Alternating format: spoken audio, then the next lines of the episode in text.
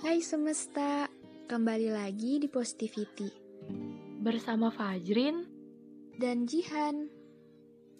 Di episode pertama ini, kita bakal ngebahas tentang sesuatu yang mungkin lagi banyak nih dirasain sama kalian.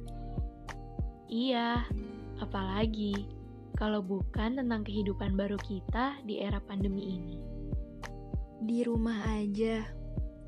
Ternyata nggak semudah dan sesederhana yang selama ini kita kira ya. Siapa yang sangka?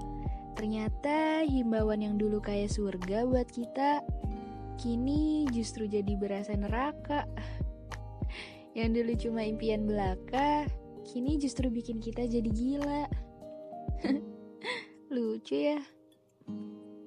Udah masuk bulan keempat di rumah aja, tapi perasaan kita tuh kayak masih belum bisa nerima gitu loh. Kalau misalnya semua kegiatan kita harus dipindahin ke rumah. Padahal mau nggak mau ya itu harus kita terima ya nggak sih? Gak jarang kita ngeluh, mengumpat, bahkan hingga mengutuk keadaan yang ada. Ya, abis gimana? Perubahan kan gak selamanya mudah. Apalagi di saat semua serba susah kayak sekarang. Rasanya ngeluh jauh lebih mudah daripada belajar mengerti dan menerima. Iya kan, Jerit? Iya Han, kuliah online nih misalnya. Pasti banyak juga teman-teman di luar sana yang ngerasain kayak apa yang kita rasa. Jenuh sama sistem belajar yang gitu-gitu aja. Cuman bisa mantengin laptop sama handphone. Udah gitu frekuensi komunikasi kita sama orang juga jadi berkurang. Terus ditambah lagi dengan penjelasan dosen yang gak segamblang di kelas, forum diskusi yang hambar, sampai tugas yang setiap hari kayaknya tuh ada aja. Nah, hal-hal kayak gitu Tuhan yang makin bikin kita jadi lebih suka ngeluh. Ngeluh capek, bosen, males. Duh, pokoknya lengkap deh. Kalau lo sendiri gimana Jerin ngatasin virus males dan kawan-kawannya biar tetap bisa produktif meski di tengah pandemi kayak gini? Hmm, kalau dari gue sendiri sih Han, ngatasin rasa males biar tetap produktif itu ada tiga cara. Yang pertama, ngelawan. Yang kedua, biarin diri tenggelam. Dan yang terakhir, bangkit. Ngelawan yang dimaksud di sini tuh udah pasti ngelawan rasa males itu sendiri ya. Jadi hal pertama yang gue lakuin kalau gue udah ngerasa gue di posisi males, gue pasti nyangkal kayak nggak lo nggak boleh males, lo harus tetap jalanin kewajiban lo. Lo lihat deh orang-orang tuh pada semangat, masa lo kalah sih sama orang-orang? Dan biasanya sisi yang nyemangatin gue ini menang daripada sisi males gue. Jadi ya walaupun dalam keadaan terpaksa tetap ada impact positif ke gue nya gitu. Gue jadi tetap ikut kelas online walaupun gue mager terus gue ngerjain tugas dan ngelakuin hal-hal yang memang seharusnya gue harus lakuin sih. Ya walaupun kadang hasilnya nggak maksimal tapi at least lo nggak melewatkan hal itu gitu nah biasanya setelah ini ada nih tahap di mana gue jenuh lama-lama gitu kan kalau gue udah jenuh, biasanya gue ngebiarin diri gue tenggelam dalam rasa males itu sendiri. Jadi, ya gue butuh break dari rutinitas gue. Dan hal yang gue lakuin biasanya di break dalam rutinitas itu, gue lebih cerita-cerita ke orang terdekat gue tentang apa yang gue rasain.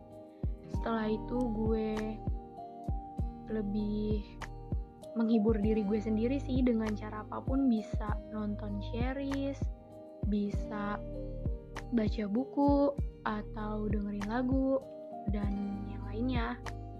Setelah itu gue bikin priority list. Jadi di saat kita tenggelam tuh kayak gue mikir gue nggak bisa lama-lama kayak gini. Gue harus siapin amunisi untuk gue bangkit nanti gitu loh. Jadi gue siapin priority list apa aja yang harus gue kerjain duluan, apa aja yang harus gue prioritasin. Itu tuh penting banget sih. Biasanya tuh kalau udah bikin priority list, kayak numbuhin rasa semangat lagi tau di diri gue ya walaupun itu dikit sih gue jadi kayak nggak sabar untuk ngelakuin apa yang ada di priority list gitu nah mungkin di pikiran kalian tuh gampang banget sih buat dapetin semangat itu balik lagi. Padahal mah enggak sebenarnya tuh struggle banget kalau lagi ngejalanin. Iya nggak sih Han? Nah btw kalau lo gimana nih Han ngadepin rasa males lo itu? Hmm, kalau gue sendiri kurang lebih ada juga sih yang sama kayak lo. Ketika rasa males itu mulai nguasain diri gue, gak jarang gue juga lebih milih take a break. Istirahat sejenak dan coba cari cara gimana supaya semangat itu bisa ke booster lagi. Mulai dari main sama peliharaan gue, nyobain resep baru, sampai ya cuma tidur-tiduran aja. Tapi makin ke sini gue ngerasa alih-alih ngumpulin energi dan semangat itu, gue justru malah procrastinating. Menunda-nunda. Biasanya gue terlalu menikmati sampai akhirnya gue jadi lupa. Lupa kalau gue punya kerjaan. Lupa kalau gue nggak bisa terus-terusan nyantai kayak gini. Akhirnya kerjaan malah jadi berantakan. Sampai one day gue baca tulisan yang ditulis oleh teman gue sendiri. Sebuah artikel tentang cara mengatasi rasa malas. Dan di situ yang jadi andalan dia adalah metode 5 second rules. Dalam metode 5 second rules ini, kita punya kesempatan 5 detik untuk langsung bergerak ketika kita punya sesuatu yang terlintas di otak kita untuk kita lakuin. Misalnya, kita ada tugas. Nah, ketika kita udah kepikiran buat ngerjain tugas itu, dalam hitungan 5 detik, kita udah harus bergerak sebelum nantinya otak kita malah nge-freeze dan mencoba buat ngalihin kita dari apa pun yang udah kita niatin. Nanti dia bilang, ah nanti aja, kan malam bisa. Ntar dulu deh, balas chat dulu, makan dulu, dan yang lain-lain.